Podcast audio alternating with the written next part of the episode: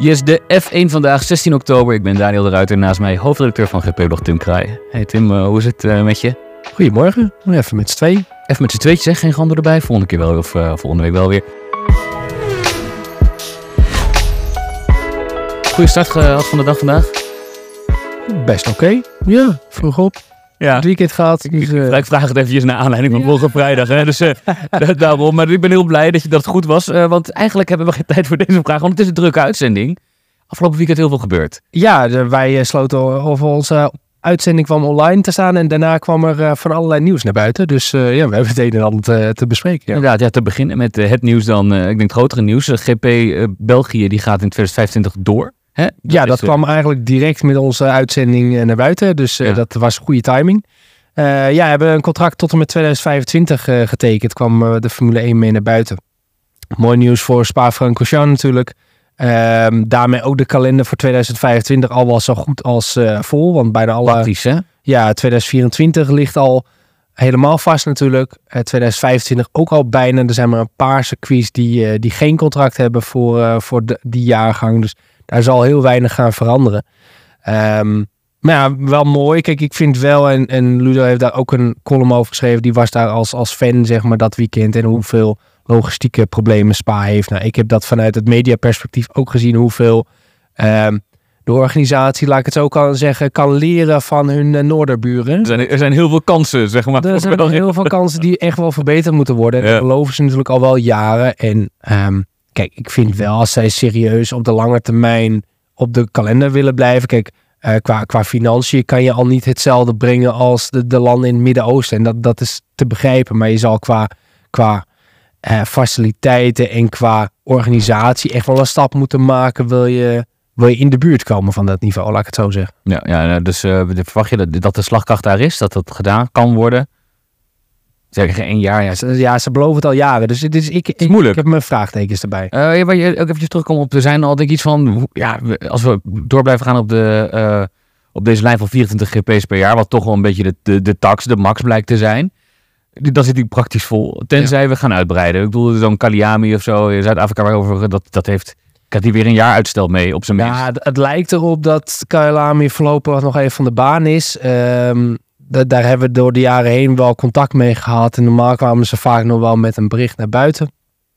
Um, nu is het heel erg stil vanuit hun kant. En het feit dat Spa weer een contractverlenging heeft gehad, want heel lang hebben die twee een beetje tegen elkaar aan moeten boksen. Het yep. België heeft steeds een jaar erbovenop gekregen, omdat Zuid-Afrika het dan niet voor elkaar kreeg. Dat lijkt nu weer het geval. En het feit dat er vanuit Zuid-Afrika momenteel ook even geen berichten zijn dat de Formule 1 nog een optie is het duidt wel op dat de financiën daar momenteel gewoon niet in orde zijn. Ja, ja ik denk een bevestiging van een vaste kalender van 2025 is aanstaand gewoon eigenlijk uh, dat die vast. Daar gaan we het ook wel verder hebben, denk ik, weer een keertje over. Inderdaad, die strijd tussen traditionele circuits, nieuwe circuits, het Midden-Oosten. Het is ook een discussie in Formule 1. Maar voor, voor vandaag gaan we even door. Uh, naar, naar Stroll en Aston Martin. Dan beginnen we eventjes bij uh, ja, een straf voor een, ja, een straf. Er is actie ondernomen. Een tik op de, vingers. Een tik op de vingers voor de acties ja. van Stroll. Dat moet ik het zo over zeggen. Uh, die heeft natuurlijk zijn, zijn uh, uh, fysiotherapeut een flinke duw gegeven. Zijn stuurtje uit, uit het cockpit gegooid. eigenlijk zich echt misdragen tegenover de media. ik kan ook even wel samenvatten. En daar heeft de FIA naar gekeken, zeg maar de, de, de etikettenbehandelaar. Ja. Tik op zijn vingers. Ja, reprimande gekregen. Um, de, de FIA liet al weten dat, dat ze in gesprek waren met Stroll, met de FIA Compliance Officer. Um, die, die doet dan onderzoek naar of het allemaal ethisch verantwoord is wat er gebeurt. Um, kijk, het enige waar, waar ik gewoon moeite mee heb in dit soort straffen is, is het lijkt echt gewoon natte vingerwerk. Of het lijkt. Volgens mij is dat het ook gewoon zo. En uh, op het moment dat dat naar buiten komt, kijk, even ter perspectief, voor, voor elke straf, al, al rij je een kilometer per uur te hard in de pits, komt de VIA met een heel document dat, dat publiceren ze gewoon allemaal online. Komt er een heel document waarom de straf, wel, welke straf het is, uh, welke regel in het handboek ervoor staat voor die straf. Um, dan krijg je een heel document naar buiten. En bij dit is toch zo, je zit dan in een WhatsApp groep van de VIA met, met, de journalisten en je krijgt gewoon een, een, statement van een paar zinnen. Dat is het in dit geval. Hm. En nou, ik ben dan toch wel benieuwd, waarom krijgt Stroll een reprimande? En als we even teruggaan, wij hebben hem voor, uh, voornamelijk vergeleken met het incident van Verstappen, die toen ook een duw gaf na de race. Tuurlijk is elk incident anders, Hmm. maar ik ben wel benieuwd waarom kreeg Verstappen een taakstraf en waarom krijgt Stroll nu alleen een reprimande? Ja, Dus dat, is, is dat dan omdat dat niet in de, in de, in de boeken staat? Ja, Ja, dat is Ja, want dit is natuurlijk gewoon, gewoon ethisch. Van ja, wat, wat vinden we dat hierbij Ja. past? En daar is dan zo'n officer voor aangesteld. Ehm, ja, en wat ik zeg, dat, dat is natte vingerwerk. Want als ik daar vervolgens naar vraag bij de FIA. Nou, in eerste instantie krijg ik dan dus een antwoord van ja, eh, geen twee incidenten zijn hetzelfde. En we, we hebben gekeken naar dit incident en de specifieke dingen die hierbij horen. Ik denk ja, dat kan ik zelf ook wel invullen. Ik ga ervan uit dat je dat hebt gedaan. Dat je naar deze zaak hebt gekeken en niet naar een andere. Maar wat ik interessant vind, ja, waarom krijgt hij nu een reprimande en, en Verstappen vorige keer Ja. taakstraf? Wat is de grens? Wat moet je doen om een taakstraf te krijgen? En ik snap dat dat in, in dit soort ethische zaken iets meer vaag is. Maar goed, daar krijg je vervolgens gewoon nul antwoord op. Is, Wat, wat mij toch wel duidt op, de, er is geen richtlijn, ze doen maar wat. ja, ja, dat werd ook nog in, in dit eh, artikel dat ervan verschenen. Hè, van, op basis van eh, de, de eh, verklaring van de VIA. Dat dan die verontschuldiging, dat, dat las ik dan in Strol misschien wel heeft geholpen. Zeg maar, dat hij nog een verontschuldiging heeft aangeboden. Was dat toen met Verstappen misschien niet zo? Dat hij, dat hij was natuurlijk best wel furieus op Ocon. En dat hij van ja, ik ga hem ook niet excuses voor aanbieden. Nou, ik heb, natuurlijk. ik heb eh, tegenover Strol gestaan op de zaterdag en dag erna.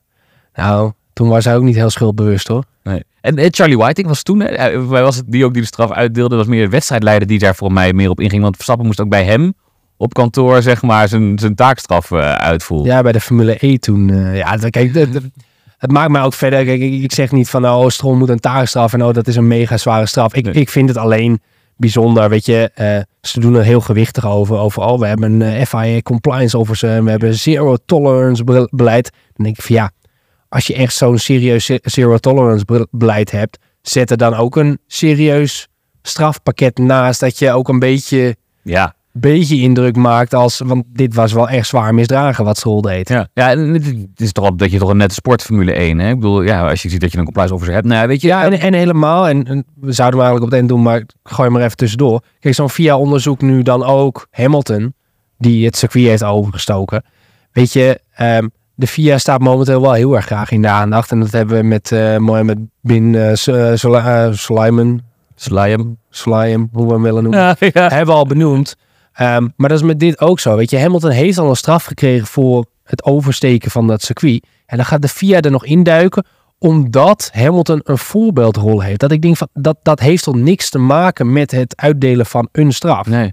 Nee, dat, dat zou misschien meer iets zijn voor die compliance officer. Voor als je gaat duwen, dan heb je een voorbeeldrol. Zo'n strol die iemand duwt. Maar dit heeft natuurlijk niks te maken met je echt misdragen. En alsof mensen nu zeg maar eh, de A10 over gaan steken. Nee, maar het, het moet toch geen moe uitmaken of Hamilton die weg oversteekt of, of Stroll. Ja. Van Nee, exact. Het Nee. hebben allebei dezelfde voorbeeldrol. Het gebeurt allebei Ja. op televisie voor dezelfde groep kijkers.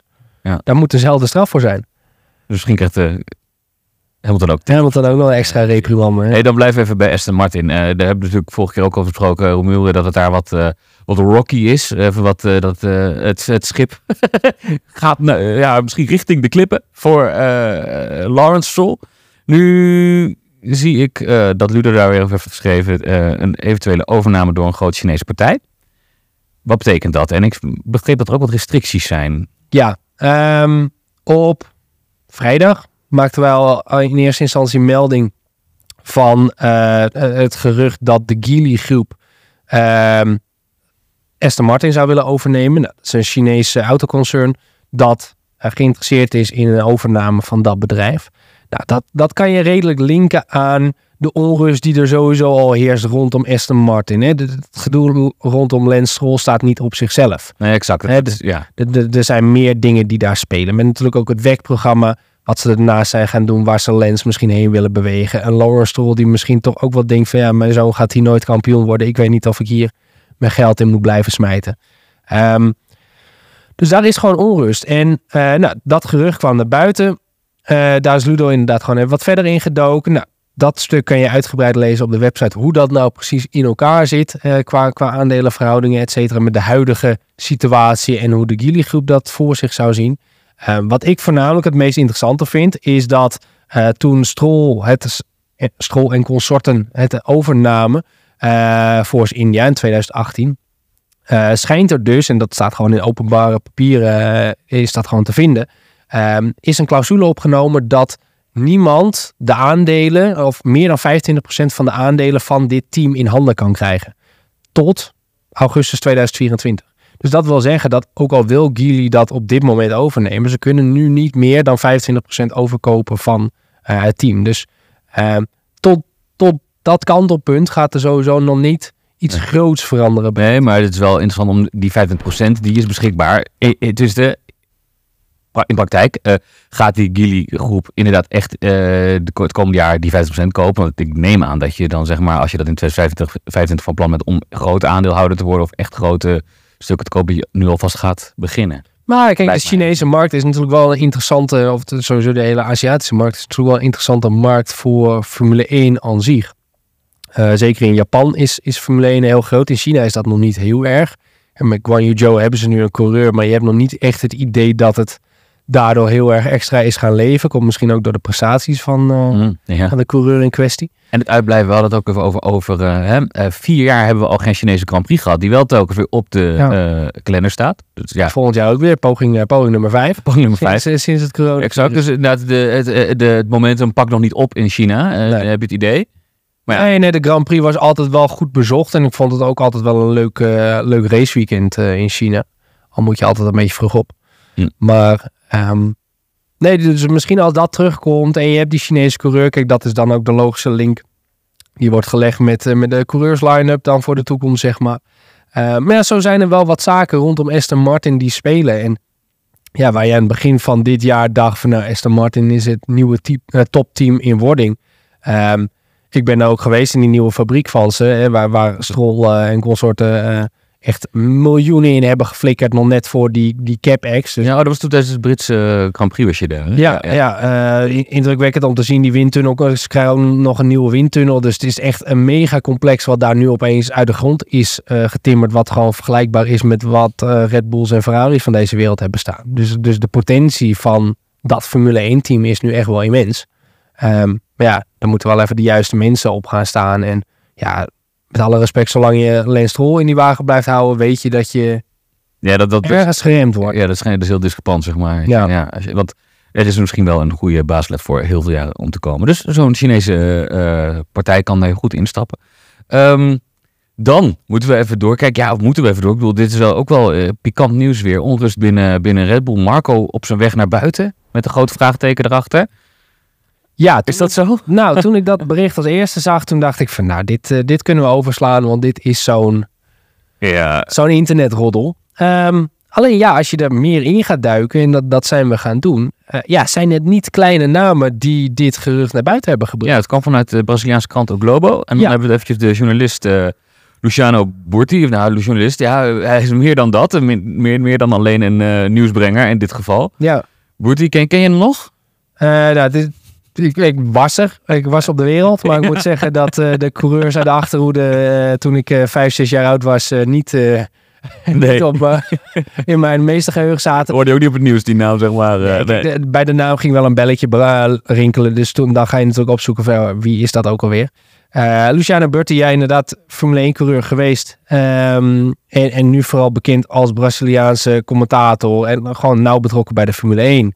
Ehm, de Braziliaanse krant O Globo is ook geen kleine, kleine krant, zeg maar. Ja, en die komen met het verhaal dat er inderdaad onrust is binnen Red Bull Racing. Ja. Ehm, dat sinds het overlijden van Dietrich Mateschitz, de, de oprichter van het merk en, en mede-eigenaar, eh, dat er toch wel een beetje een machtsstrijd gaande is binnen, binnen Red Bull, waarin vooral een, een lichte strijd zou zijn tussen eh, Christian Horner Ja. en Helmut Marko. Ja, maar dat is opvallend, man. Want dat is iets... ik- Ja, je, je hoort er nooit iets over, maar altijd, dat beeld is heel sterk. Omdat ze natuurlijk heel veel winnen de laatste jaren naast Oh. elkaar staan. Altijd bij Verstappen om hem heen, weet je wel, met z'n tweeën. Dat er uitgerekend nu een machtsstrijd gaande zou zijn tussen die twee. Ik- ja, ik, ik moet ook zeggen dat ik het moeilijk te geloven vind. Ehm, Inderdaad, die, die twee lijken wel echt eh, door dik en dun samen te gaan. Eh, maar goed, ja, het, het, het verhaal wat er is, is dat Horner ehm, graag het, het hele racingproject van Red Bull naar zich toe zou willen trekken. Eh, daarin ook de steun vindt van Oliver Minslav, wat een beetje de opvolger is van het takenpakket van Dietrich Mateschitz. Ehm, met aan de andere kant Helmut Marco, die natuurlijk eh, niet slash wel in de boeken staat van Red Bull Racing, Red Bull, nou, we weten die vage constructie die, die hij heeft. Kijk, op dit moment heeft Helmut Marco natuurlijk een hele grote inspraak in wat er gebeurt bij beide Formule 1 teams. En ehm, dat is niet gek, want hij is bij de oprichting van Red Bull aangesteld als was gewoon de rechterhand van, van Dietrich Mateschitz. Dat waren echt hele dikke vrienden. Ja. Ehm, ja, en, en als je dit dus moet geloven, is het dus gewoon Horner die wat meer naar zichzelf wil toetrekken en wat minder ehm, zijn oren wil laten hangen naar Marco. Dat, dat is het verhaal wat er nu hangt. En ja, dat, dat is interessant, laat ik het zo zeggen. Ja, eh, en ja, in die zin, je zegt wel inderdaad, Marco is natuurlijk wel een adviseur daar. Dus daardoor heeft hij ook wel, dus hij aangesteld vanaf 2005, 2006 al erbij, hè? eh, of vroeg, hè? Ja. Ehm, Ja, eigenlijk al veel eerder. Ja. Want hij was al, eh zeg maar, Mateschitz wilde al veel, was al veel langer bezig met Red Bull Junioren en dat hele Red Bull sportprogramma, zeg maar. En Marco heeft daar vanaf dag één een mega rol in gespeeld als zijn rechterhand. En Marco was degene die die talenten vond. ja, in- wat ik maar vraag was, in hoeverre is eh, Marco inderdaad nog, ja, misschien een, wat een onpopulaire mening of zo, of een vraag daarover, eh, gelegitimeerd als gezicht van, van Red Bull en misschien meer, meer gewoon een talent scout. Ik bedoel, bij, bij een voetbalclub zie je misschien ook de talent scout niet elke dag langs de lijn staan en eh, het team dat daar op heeft opgeleid op het veld staat of op de baan staat, coachen. Ja, nou, kijk, als je zo'n grote rol hebt binnen een team, is het natuurlijk lastig om daar ook weer afstand van te doen op een gegeven moment. Ehm, dus- dus ik, ik, ik snap enigszins wel waar, waar die frictie eventueel vandaan zou kunnen komen. Kijk, Marco heeft een hele, hele harde stem daarin. En eh, hoe je het nou went of keert, wat, wat Marco wil gebeurt. Zowel bij Alfa Tauri als bij Red Bull Racing. Ja, dat is op het algemeen is wat dat daarbuiten iedereen eigenlijk ook wel meekrijgt. Het is, het is echt een, ja, hij is niet de teambaas, maar Hij bepaalt welke coureurs erin zitten. Kijk, dat is natuurlijk iets wat Frans Toost gewoon heel openlijk heeft gezegd. Ik, ik ga niet over de coureurs, dat is Nee. allemaal Marco. Ja, dat is toch Hm. opmerkelijk dat een teambaas dat zegt. En nou, twee teams dat, dat, dat, dus, dat dus heeft. In één aangenomen kan worden met Christian Horner. Ja, Nou, kijk, kijk. Horner. Kijk, je moet ook vanuit zijn situatie bekijken. Kijk, hij is nu de ervaren man.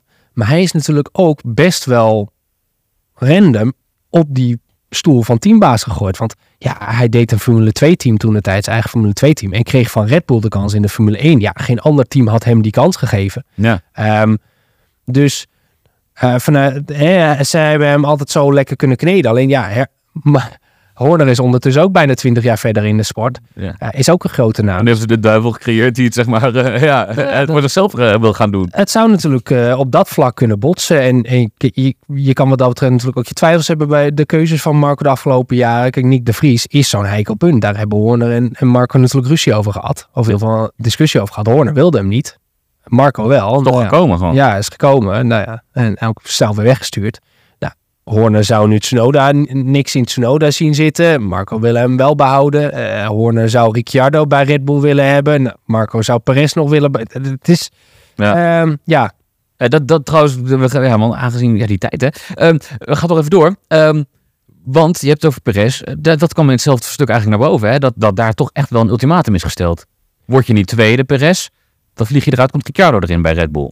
ja. En dan komt plaats van Ricciardo. Dus dat is echt afscheid Perez. Ja, nou ja, goed, dat is natuurlijk ook wel iets wat je een beetje voelt aankomen. Kijk, die geruchten werden door Red Bull ontkend over dat hij zijn pensioen zou aankondigen. Maar gewoon met zijn hele gemoedstoestand die je ziet. ehm, de prestaties die hij levert. eh, de onvrede die er binnen het team over hem is. Ja, zou je het niet heel gek vinden als Perez straks aan de kant wordt geschoven? En kijk, ik zie hem nog steeds wel naar een Aston Martin gaan. Hm. Ehm, hey, denk niet dat hij per se direct met pensioen hoeft. Ehm, maar ik zou het ook snappen vanuit zijn kant dat hij na het Red Bull avontuur denkt van ja, dan is het nu ook wel mooi geweest. Ja. Nou, dat is ja, twaalf jaar gereden of zo. Dus het, ja, kijk, ehm, hij heeft een mooie, mooie carrière gehad. Heeft nu wat race-overwinningen op zijn naam. En ja, zou dus nu een ultimatum hebben gehad. op Dat als hij niet tweede wordt in de wereldtitelstrijd, dat hij eh, zijn zitje kwijt is. Dus. Ja. Ja. Toch wel. Inderdaad, vanuit dat ook Globo misschien nog geloofwaardig is ook. Eh, dan, eh, we gaan echt afsluiten. We doen we nog twee dingen. Dat gaan we echt eventjes noemen. Ricciardo terug in de auto. Mooi nieuws. Eerst, eerst trouwens bij Red Bull, hè? Is hij al geweest? Ze deed nog even een test in eh, Amerika. Of heel zo'n demo-run deed hij. En hij zal uh, namens AlphaTauri ook weer in de wagen zitten tijdens de Grand Prix van Amerika. Hersteld, helaas verlossen. Leuk voor Ricciardo, kan zich even bewijzen dat hij het uh, zetje van volgend jaar waard is daar. Ja. En dan sluiten we hem af met een, een, Mercedes Junior. Kimi Antonelli, vernoemd naar Ruikonen. Maar hij lijkt, hij lijkt de grootste te worden. Hè? die heeft, ja, ik, ik, ik, wou veel gewonnen. Ik wou die toch even noemen inderdaad als, als nou, de honorable honorable mention of the week. Ja, hoe, gaat dat, hoe gaat dat toch in al die landen? Als je iemand moet in de tekst Heerlijk, heerlijk. Fantastisch, op de vroege Ja. Nee, um, Honorable mention, maar dat doen we nu eventjes. Dat hebben we vorige keer ook gedaan voor een Nederlander. Dus dat moeten we er even bij doen. Dit, is ook een goeie. zo'n gruwelijk talent. Hij heeft in het karten alles gewonnen. Is een Italiaan, uh, 17 jaar. Onderdeel van de Mercedes-opleiding, uh, helaas. Um, hm. Nee, maar weet je, uh, op het moment dat hij de formulewagens instapte, Formule 4 in Italië, Formule 4 in Duitsland, dat zijn de prestigieuze kampioenschappen waar elk talent naartoe gaat om zichzelf te bewijzen. Ja, won hij driekwart van de races en werd hij kampioen.